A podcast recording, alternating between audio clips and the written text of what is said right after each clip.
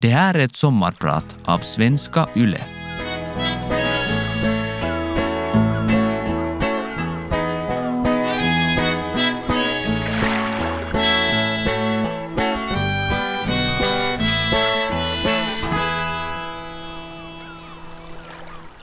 Varför är historia viktigt? Jag får ofta den frågan. Varför har jag valt det yrke jag har? Varför skriver jag böcker om allt från forntiden till samtiden? Har jag inget bättre för mig som att blicka framåt? Varför blicka bakåt? Det svar jag förväntas ge är att det är kul. Att jag bara intresserar mig för historia för att det är roligt. Att historia är entertainment. Och visst, om det inte hade varit roligt hade jag knappast ägnat mig åt det. Men det räcker inte som argument. Särskilt inte om frågan ställs av en människa som är fullständigt ointresserad av historia. Sådana finns. Det är inte svårt att hitta folk som ifrågasätter att man lär ut historia i skolorna eftersom ämnet inte är relevant för vad som händer idag. Det finns folk som menar att den som vill veta något om andra världskriget lika gärna kan spela ett krigsspel i sin dator som läsa en initierad skildring av en historiker. Och det är mycket, mycket vanligt att höra folk vräka ur sig ord som tråkigt när historia kommer på tal. Om ämnet inte förknippas med underhållning brukar det förknippas med dammiga bokhyllor och arkiv. Det är alltså historia jag tänker tala om. Historia som jag uppfattar ämnet. Historien så som jag har fascinerats av den. Mitt namn är Dick Harrison. Jag är professor i historia vid Lunds universitet i Sverige och författare till ett 60-tal böcker med historiska teman. Även om jag har mitt fasta arbete i Sverige är jag ofta i Finland, särskilt i Helsingfors och Vasa och är sedan flera år kolumnist i Vasabladet. Finsk historia ligger mig lika varmt om hjärtat som svensk. Och idag är jag också din sommarpratare. Och jag väljer att inleda med ett lika kort som bortglömt stycke historisk musik, en komposition av vår 1500-talskung Erik den XIV. Jag brukar framhålla att historia är en reservoar av mänskliga erfarenheter. Historisk forskning lär oss om människors beteende i andra tider, om vår potential för såväl ondska som godhet. Vi lär oss om vår inneboende energi, såväl negativ som positiv. Genom att ta del av dessa erfarenheter har vi stora möjligheter att finna nygamla lösningar, inse annars oanade samband och förhoppningsvis bli bättre människor. Vi behöver inte göra om misstag som andra redan gjort, som att jaga syndabockar när det går dåligt eller kasta in världen i krig istället för att göra upp på diplomatisk väg. Jag brukar också poängtera värdet av allmänbildning. Historia skänker oss fördjupade insikter i världen runt omkring oss. Genom kunskap om historia ser vi betydligt mer av kulturlandskapet än annars. Vi inser poängen med och betydelsen av gamla vägar, borgruiner, fornminnen, hamnar, prästgårdar, kyrkor med mera. Det som är kunskapen om allehanda träd, blommor och växter. Om vi lär oss deras namn upptäcker vi dem lättare i skog och mark. Vi ser mer av verkligheten. Den som tackar nej till historia tackar nej till upplevelser och förståelse. Min tredje punkt är att historia lär oss att ta ansvar. Historien visar att det är vi som bestämmer, inte anonyma massor eller kosmiska krafter. Beslut om krig, fred, äktenskap, migration, uppfinningar med mera fattas av individer. Vi har makt. Vi gör skillnad. Det gällde då och det gäller idag. När vi studerar historien inser vi med glasklar skärpa att livet har en mening, att vi kan och bör göra något av det. Och detta leder mig över på punkt 4. Historia är farligt när det missbrukas. Om du inte intresserar dig för historia, om du inte gör din en bild av det förflutna, kommer någon annan att göra det. Kanske någon med onda intentioner. Lögner om historia kan nyttjas politiskt med förfärliga resultat, vilket 1900-talet uppvisade många exempel på. Genom att skaffa oss egna kunskaper om det förflutna kan vi motarbeta lögnerna.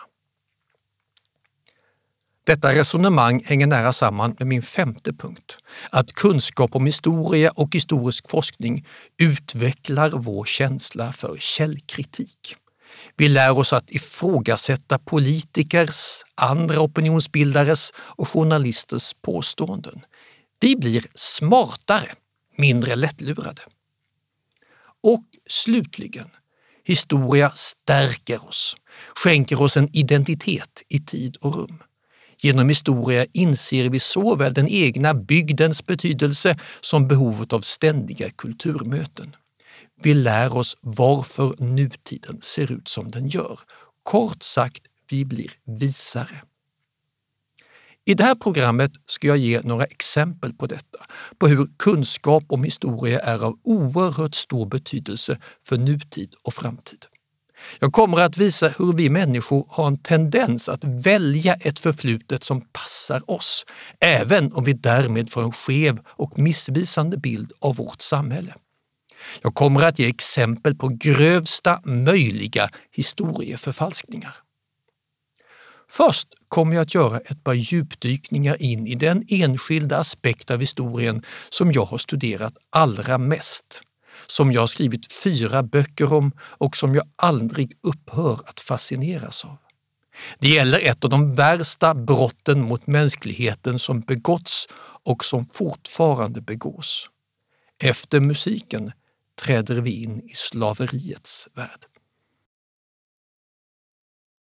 Suema föddes på 1850-talet i Yao-folkets land i nuvarande norra Mosambik. Hennes far var jägare som sålde elfenben. Han dog under en lejonjakt. Därefter åt gräshoppor upp skörden och Suemas syskon blev sjuka och dog. Suema och hennes mor blev utfattiga. När de inte kunde återbetala ett lån försattes de i ofrihet och hamnade i en karavan som leddes av arabiska slavhandlare. De tvingades bära elefantbetar på en lång vandring genom Afrika. Modern avled av strapatserna men Suema och de övriga slavarna nådde till slut fram till hamnstaden Kilwa, idag i södra Tanzania. Här fördes de ombord på ett fartyg som skulle till Zanzibar där kryddnejlikeplantagerna behövde arbetare. Slavarna packades så tätt i lastrummet att de knappt kunde röra sig. Det var svårt att andas, hettan var extrem och många blev sjösjuka. När skeppet efter sex dygn var framme i Zanzibars hamn var Swema mycket svag. Hon spärrades in i ett hus för natten då hon förklarades vara alltför värdelös för att kunna säljas. Istället grävde man ned henne på en begravningsplats. Hon var ju redan så gott som död, menade man. Eftersom arbetarna inte tyckte att det var mödan värt att gräva en djup grav fick Swema endast ett tunt ytskikt av jord ovanpå kroppen. En ung man från ön Réunion, en fransk koloni i Indiska oceanen, hörde hennes desperata rop på hjälp och grävde upp henne. Han förde Swema till en missionsstation i staden och räddade därmed livet på henne. Senare nedtecknades hennes berättelse som översattes från kiswahili till franska av en katolsk präst. 1875, när Swema var i 20-årsåldern, blev hon nunna på Réunion och antog namnet syster Marie Antoinette. Flickan Swema är ett typiskt exempel på ett offer för slavhandeln i Östafrika. Men tack vare en lycklig slump överlevde hon och kunde berätta sin historia. Tiotals miljoner afrikaner, särskilt i Östafrika, drabbades på 1800-talet av samma olyckliga öde som Swema. Det enda unika med Swema är att hon hade turen att överleva och kunde berätta om vad som hände. Låt mig nu ta ett annat exempel ur slaveriets långa historia. Vi hoppar ett knappt sekel tillbaka i tiden. Under ledning av Luke Collingwood färdades skeppet Zong från Afrika till Västindien på hösten 1781. Lasten bestod av 470 afrikanska slavar. I slutet av november närmade man sig Jamaicas kust, men Collingwood seglade vilse. Nöden ombord var redan stor på grund av strapatserna under resan över Atlanten. Eftersom man nu dessutom seglat fel räknade Collingwood med att många av de sjuka slavarna skulle hinna dö innan de hittade en hamn. För Collingwood handlade det om att spara pengar. Om de sjuka slavarna dog en naturlig död skulle skeppets ägare, alltså hans arbetsgivare, lida stor ekonomisk förlust. Men om slavarna kastades i sjön och drunknade, då måste försäkringsbolaget ersätta slavägarna under förutsättning att man kunde hitta på en god ursäkt till den brutala handlingen. Den enda ursäkt som kunde godtas var citat, skeppets säkerhet. Om mordet på slavarna var nödvändigt för skeppets säkerhet, då var det fritt fram. Collingwood beslöt att använda vattenbristen som ursäkt. Man måste ljuga ihop en historia om att det var ont om vatten på Zong och att slavarna drack så mycket att sjömännen riskerade att dö av törst om inte slavarna dödades. Styrmannen James Kelsall protesterade men röstades ned. Därefter lät Collingwood dränka 132 slavar. När man återvänt till England krävde Collingwood och skeppsägarna helt enligt planen, att försäkringsbolaget skulle betala ut slavarnas fulla värde. När parterna möttes i en rättegång i London 1783 vittnade styrman James Kelsall mot sin kapten. Han berättade att det hade funnits gott om dricksvatten och att det till och med hade regnat när slavarna mördades. Försäkringsbolaget och skeppsägarna grälade vidare och det dröjde ända till 1796 innan Storbritanniens myndigheter slog fast att massmord på slavar inte fick användas som medel för att tjäna försäkringspengar. När vi idag läser om våldshandlingen är det svårt att hålla känslorna i styr. Varken försäkringsfolket eller skeppsägarna brydde sig om det dränkta. De var bara intresserade av sina pengar. Den allmänna opinionen i Europa uppfattade vid denna tid slavar som vilka varor som helst, inte som människor. Det enda som reagerade på skandaler som massmordet på Zong var abolitionister. Termen kom av latinets abolere, att avskaffa. Abolitionisterna var en brokig skara av människor. Frikyrkofolk, grävande journalister, radikala revolutionärer och nationalekonomer som bara hade en sak gemensam. De strävade efter att avskaffa slavhandeln och slaveriet. Till en början betraktades de som underliga kufar, men under 1800-talet växte abolitionismen till en av världshistoriens första och mest framgångsrika folkrörelser. Abolitionismen var en av orsakerna till att slaveriet successivt förbjöds över hela jordklotet. Steg för steg kom allt fler människor att uppfatta systemet som omänskligt. Det fanns fler orsaker. Uppkomsten av vidsträckta kolonialvälden reducerade antalet krig i Asien och Afrika. Därmed sjönk antalet krigsfångar som kunde skickas till slavmarknaderna. Ett annat skäl var att det fria lönearbetet effektivt konkurrerade med slaveriet. Det var lönsammare att anställa arbetare för låga löner och avskeda dem i dåliga tider än att tvinga in folk i ofrihet. Trots detta överlevde slaveriet i många länder. De koloniala regimerna var ovilliga att genomdriva reformer som hotade att skapa problem för det lokala näringslivet. I Saudiarabien, Förenade Arabemiraten och Jemen förbjöds slaveriet först på 1960-talet, i Oman 1970. I Mauretanien kriminaliserades slavägande så sent som 2007 och på landsbygden i södra Asien, exempelvis i Indien, har skuldslaveriet, det vill säga fattiga bönder som skuldsätts in i slaveri, överlevt in i nutiden. Allra värst är att nya former av slaveri har skapats i modern tid. Ett välkänt exempel är trafficking, sexslaveriet, men den tragiska sanningen är att detta bara är toppen av ett kriminellt isberg. Som exempel kan vi betrakta barnslaveriet på kapplöpningsbanorna i de små emiraten vid Persiska viken som kulminerade omkring år 2000. Tusentals barn från tre års ålder och uppåt importerades från Indien, Bangladesh, Pakistan och Sudan och tränades att rida kameler. Säljarna var ofta barnens egna föräldrar som sålde småpojkarna till ett liv i slaveri eftersom de inte hade råd att försörja dem. Andra barn var kidnappningsoffer. När de hade inhandlats av de kamelägande shejkarna i Förenade Arabemiraten utsattes de för brutal misshandel och sexuella övergrepp. De väcktes mitt i natten för att mocka kameldynga med bara händerna. Under loppen bands de fast vid kamelerna för att inte falla av. Om de gjorde dåligt ifrån sig blev de pryglade. Många skadades allvarligt eller rent av dog innan deras kameler kommit i mål. Förenade Arabemiraten förbjöd barnslaveriet år 2003. I och med detta blev det illegalt för barn under 15 år eller med en vikt under 45 kilo att arbeta som kameljockey. Lagen efterlevdes inte. En pakistansk människorättsjurist, Ansa Berni, väckte stort uppseende 2004 när han under två veckor lyckades filma hur kameljockeyslaveriet fungerade i praktiken. I mars 2005 blev trycket från omvärlden för stort och shejkerna lovade högtidligt att upphöra med verksamheten. Ett nytt förbud trädde i kraft.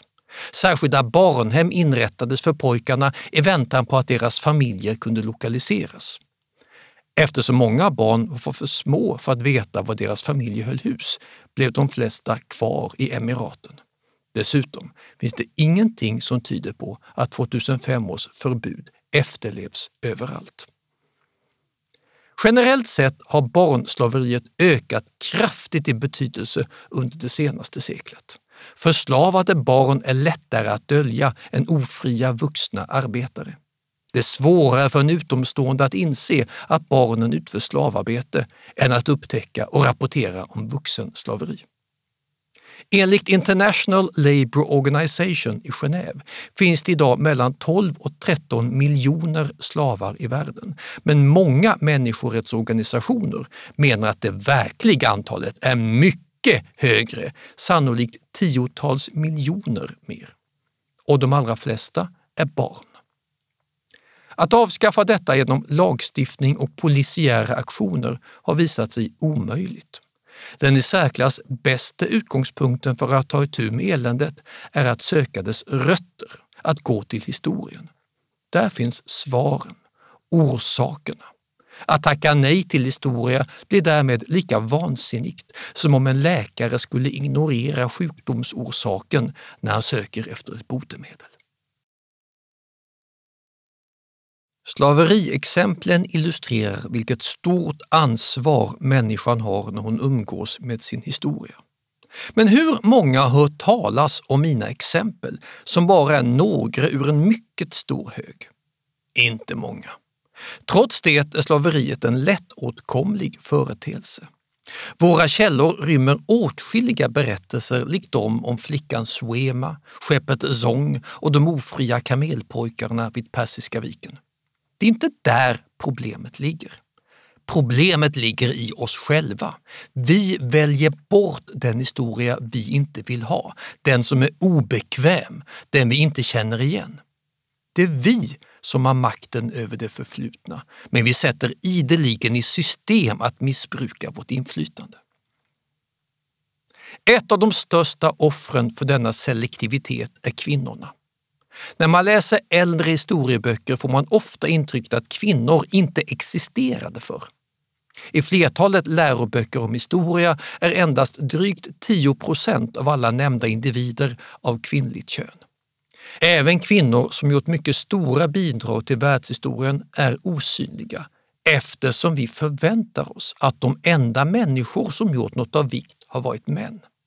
Inte ens Gudrid Torbjörnsdotter, vikingakvinnan som under åren kring år 1000 tog initiativ till ett treårigt försök att kolonisera Kanada, brukar kvala in i historieböckerna.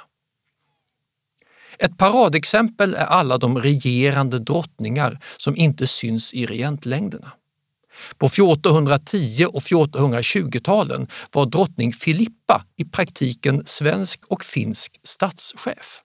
Hon ledde riksrådet, ombesörjde skatteindrivning, skötte diplomatin, hade militärt ansvar och så vidare eftersom maken, unionskungen Erik, inte befann sig i landet. Men få historieintresserade nordbor känner till hennes namn. Filippa var inget särfall. Hon gjorde bara vad som förväntades av en furstinna. Företrädare som Helvig av Holstein, Ingeborg Håkonsdotter och Blanche av Namur hade liknande positioner i kungariket Sverige. Om kungen dog och efterlämnade omyndiga barn var det regel snarare än undantag att änkan axlade manteln och ledde förmyndarregimen tills tronarvingen var redo att härska själv. Ofta visade sig kvinnan duglig Föga förvånande med tanke på att hon hade ägnat sig åt politik länge och ackumulerat erfarenheter. Och hon behöll sitt inflytande långt efter det att hon kunde eller borde träda åt sidan. Ett annat exempel är 30-åriga kriget på 1600-talet. År 2014 publicerade jag en djupgående skildring av kriget. Boken Ett stort lidande har kommit över oss. Trots alla mina erfarenheter hade jag inte väntat mig att finna många prominenta kvinnor. I alla tillgängliga verk, både läroböcker och akademiska handböcker, framstår europeiska krig under tidigmodern och modern tid som utpräglat manliga företeelser. Men jag hade fel. 30-åriga kriget hade gott om kvinnliga krigsherrar, härskarinnor som kämpade lika ihärdigt som männen och utövade ett formidabelt ledarskap. Men hur många har hört talas om personer som Amalie Elisabeth av Hessen-Kassel och Isabella av Spanska Nederländerna? Den förstnämnda var Sveriges näst efter Frankrike viktigaste allierade under krigets sista decennium. Amalie Elisabeths trupper gjorde stora delar av västra Tyskland osäkra och det är fullt möjligt att hennes agerande förlängde kriget med något år. Den senare spelade en nyckelroll i kampen mellan den habsburgska monarkin på Pyreneiska halvön och utbrytarna i Nederländerna. Jag fann mer än så. Eftersom huvudpoängen med min bok var att lyfta fram vanligt folks upplevelser av krigets helvete lade jag stor vikt vid ögonvittnesskildringar. Kvinnor saknades inte. Anna Wolf i Schwabach, Clara Steiger i Arstedt, Mariana Junius i Bamberg, Juliana Ernst i Fillingen med flera skrivande kvinnor bidrog i hög grad till att kasta ljus över kriget och levandegöra min skildring. Jag kan ärligt säga att jag inte hade hört talas om någon av dem innan jag började forska. I traditionell historieskrivning har de valts bort. Det mest bizarra exemplet på bortglömda kvinnor i vår historia torde vara de som levde under 1700-talets första decennier, då 200 000 svenska och finska män dog i stora nordiska kriget. 200 000 motsvarade hälften av den vuxna manliga befolkningen i riket. Dessa karoliner är allt annat än bortglömda, men deras kvinnor nämns ytterst sällan i litteraturen. Utan dem hade Sverige och Finland gått under. På mängder av bondgårdar och gods övertog kvinnorna männens roller och lotsade samhället vidare. Jag heter Dick Harrison. Jag är professor i historia och jag är din sommarpratare idag. Historierna om det bortglömda slaveriet och de bortglömda kvinnorna bottnar i förutfattade meningar och slentrian.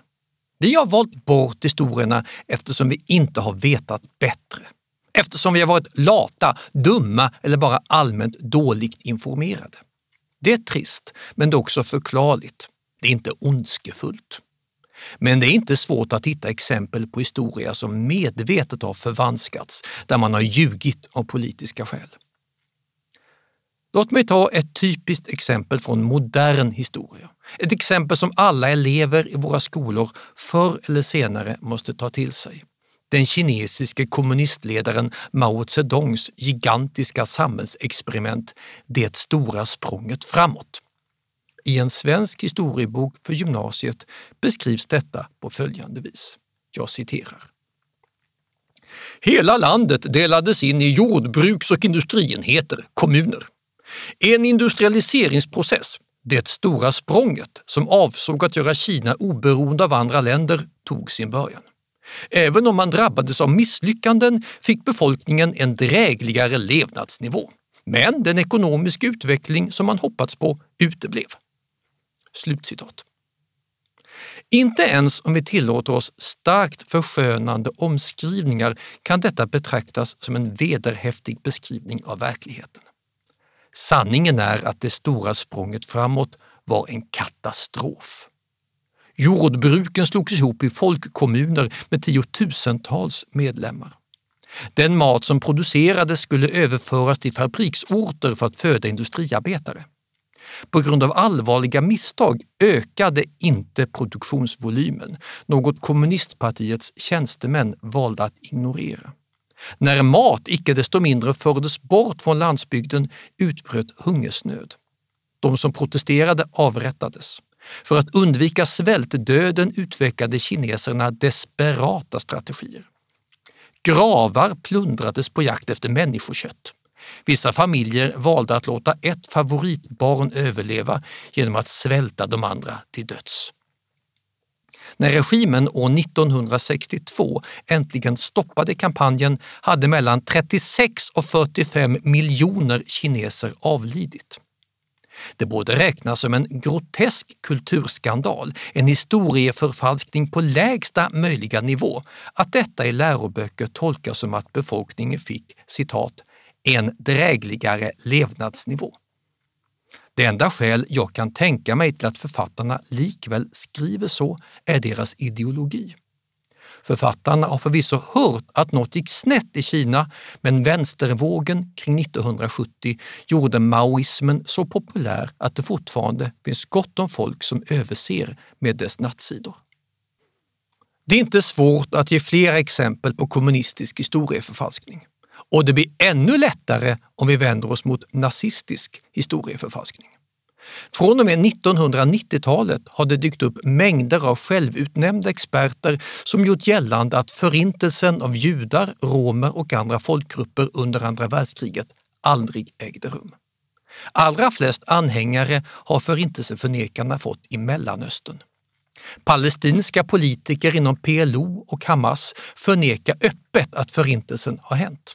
Berättelserna om dödslägren är, menar de, lögner spridda av sionister.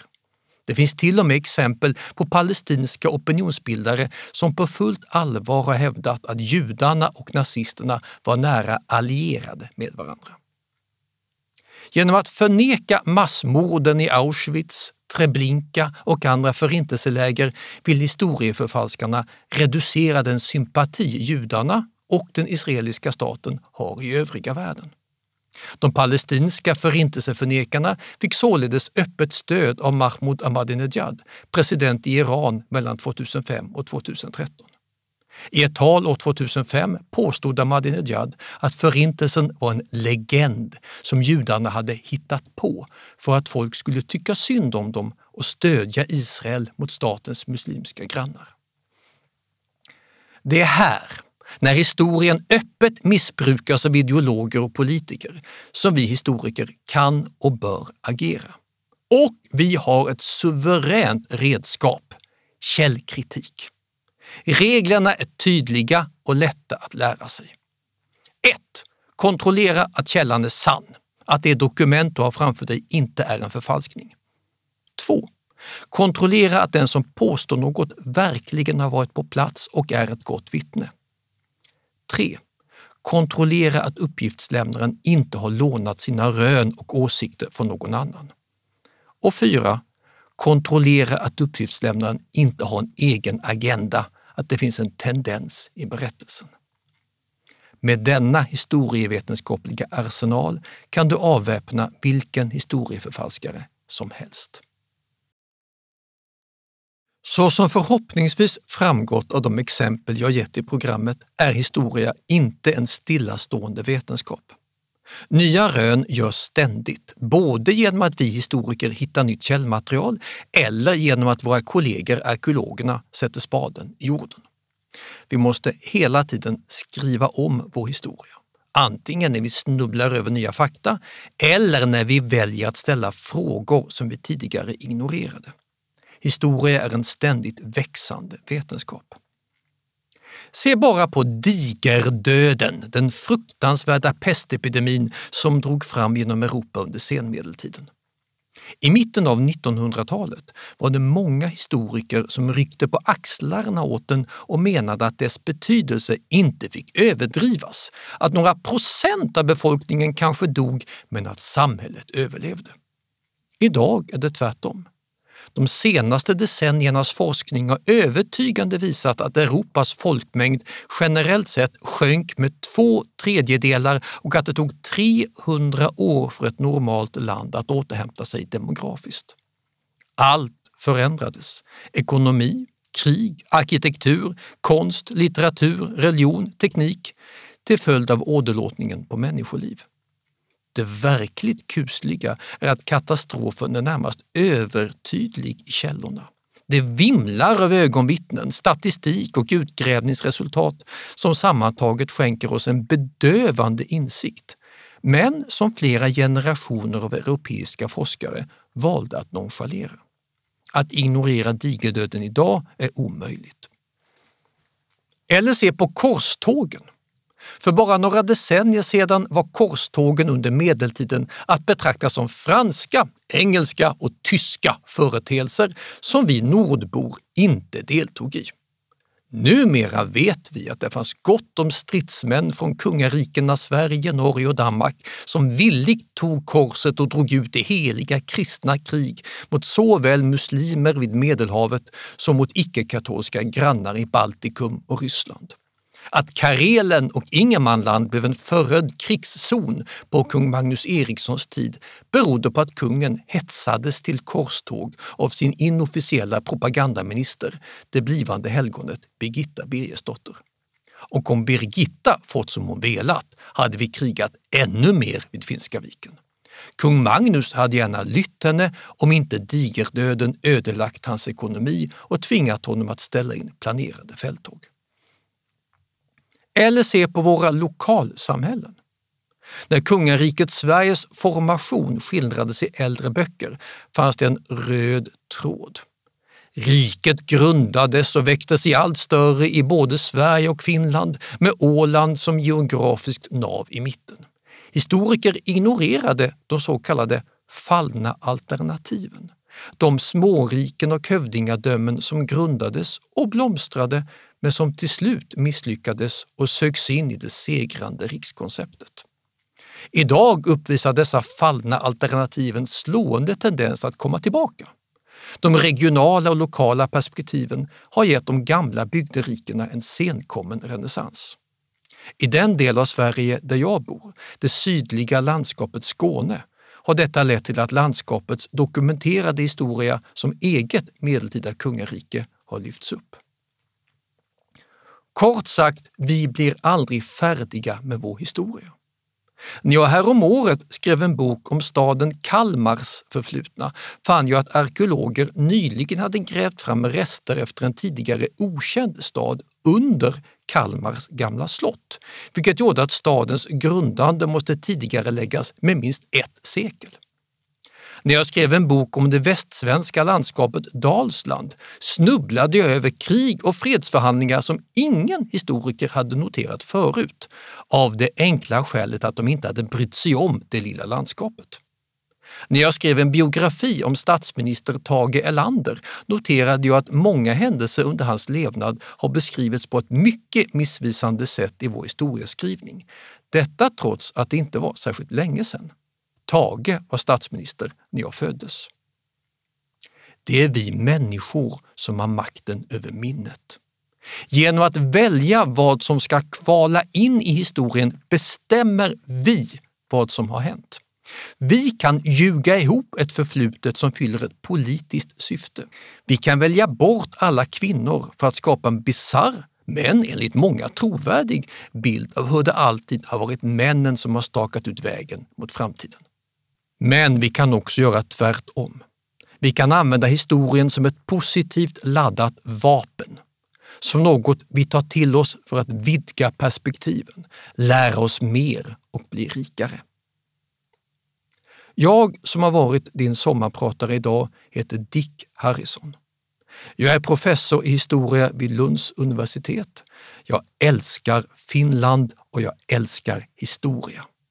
Gå nu ut i sommarvärmen och låt er inspireras av gårdagen.